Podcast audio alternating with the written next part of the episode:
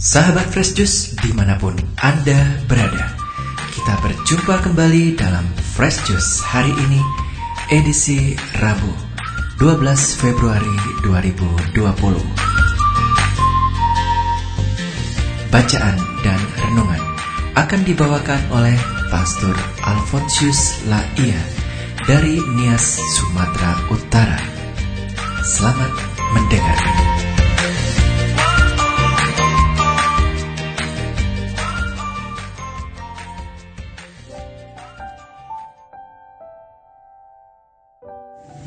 Saudara-saudari yang terkasih, salam jumpa bersama saya Pastor Alfonsus Laia. Hari ini Rabu 12 Februari 2020 kita akan merenungkan bersama Injil Markus bab 7 ayat 14 sampai 23. Tuhan bersamamu. Inilah Injil Yesus Kristus menurut Markus. Pada suatu hari Yesus memanggil orang banyak dan berkata kepada mereka, Dengarkanlah aku dan camkanlah ini.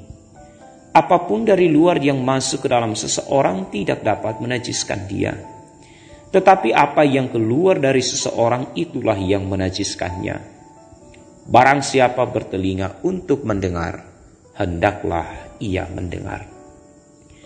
Sesudah itu Yesus masuk ke sebuah rumah untuk menyingkir dari orang banyak.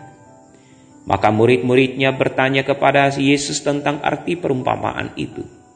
Yesus menjawab, Apakah kamu juga tidak dapat memahaminya? Camkanlah, segala sesuatu yang dari luar masuk ke dalam seseorang tidak dapat menajiskan dia. Karena tidak masuk ke dalam hati tetapi ke dalam perutnya, lalu dibuang di jamban.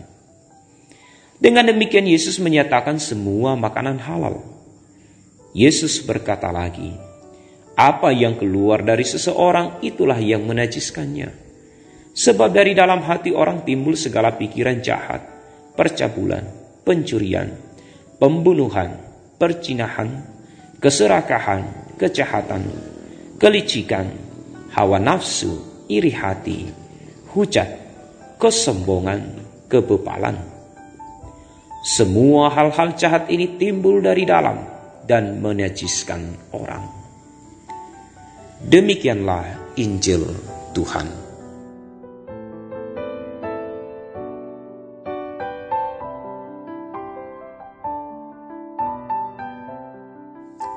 Para saudara yang terkasih, perikop Markus bab 7 ayat 14 sampai 23 yang baru saja kita dengarkan dapat dipahami secara tepat jika dilihat dalam kesatuannya dengan perikop sebelumnya, yakni Markus bab 7 ayat 1 sampai 13. Pada bagian keseluruhan Markus bab 7 ayat 1 sampai 23 diperlihatkan pertentangan antara orang-orang Farisi, ahli-ahli Taurat, dan Yesus.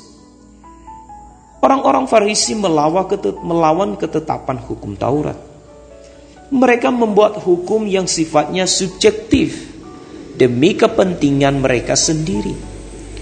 Hukum-hukum mereka gunakan guna mencela, menghukum, bahkan mengucilkan orang. Orang-orang Farisi dan ahli-ahli Taurat mengecualikan perintah-perintah Allah untuk melegalkan dan melancarkan agenda mereka. Sedemikian subjektif, hal-hal yang lahiriah pun turut diatur dan disorot, semisal sikap saat makan dan minum. Oleh karena itu Yesus menegaskan tidak ada sesuatu dari luar masuk ke dalam yang dapat membuat orang itu najis. Sebaliknya, yang keluar dari seseorang itulah yang membuat dia najis. Yesus tidak sedang memberikan anjuran, tidak masalah apa yang Anda makan atau minum. Semestinya manusia tidak boleh lepas kontrol sehingga jatuh pada konsumerisme dan hedonisme yang justru merusak citra Allah dalam dirinya. Yesus menentang legalisme sepihak yang dibuat oleh orang-orang Farisi dan ahli-ahli Taurat. Ia hendak menegaskan bahwa dosa yang keluar dari hatilah yang menajiskan orang. Sejatinya, hati manusia merupakan ruang perjumpaan dengan yang ilahi. Tetapi hati itu kerap tercela dosa oleh nafsu tidak teratur manusia. Seperti perbuatan cabul, mencuri, membunuh, bercina, menipu, memfitnah, keserakahan, tidak sopan, iri hati, sombong, dan susah diajar. Kiranya keadaan tercela oleh dosa ini secara langsung tertuju kepada ahli-ahli Taurat dan orang-orang Farisi. Dalam usaha memurnikan hidup, Bukan hal-hal lahiriah dan legalistis belaka yang mesti diperhatikan. Hal-hal rohanilah yang diutamakan. Sama halnya, bukan tangan yang perlu dicuci agar terlepas dari kenajisan. Melainkan hatilah yang perlu disucikan agar tetap kudus. Berkali-kali dalam perjanjian lama, Allah meminta hati manusia sebagai persembahan sejati. Robeklah hatimu, bukan pakaianmu.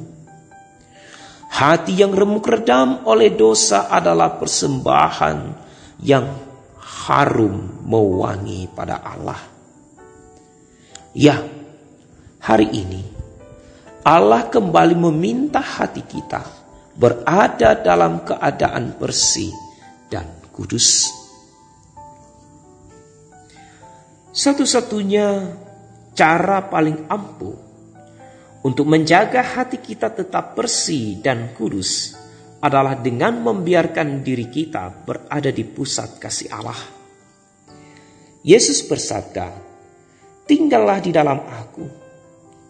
Kesatuan erat dan setia pada Yesus serta sabdanya satu-satunya jalan menggapai hidup yang bermartabat dengan hati yang bersih dan budi yang murni. Semakin erat hati kita bersatu dengan Yesus,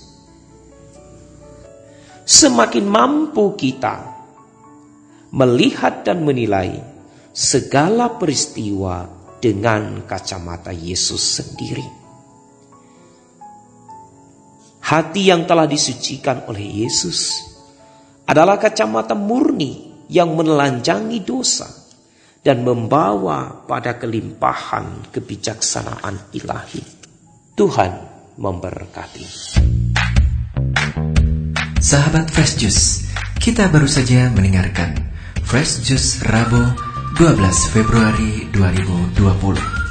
Segenap tim Fresh Juice mengucapkan terima kasih kepada Pastor Alfonsius Laia untuk renungannya pada hari ini. Sampai berjumpa kembali dalam Fresh Juice edisi selanjutnya. Salam Fresh Juice.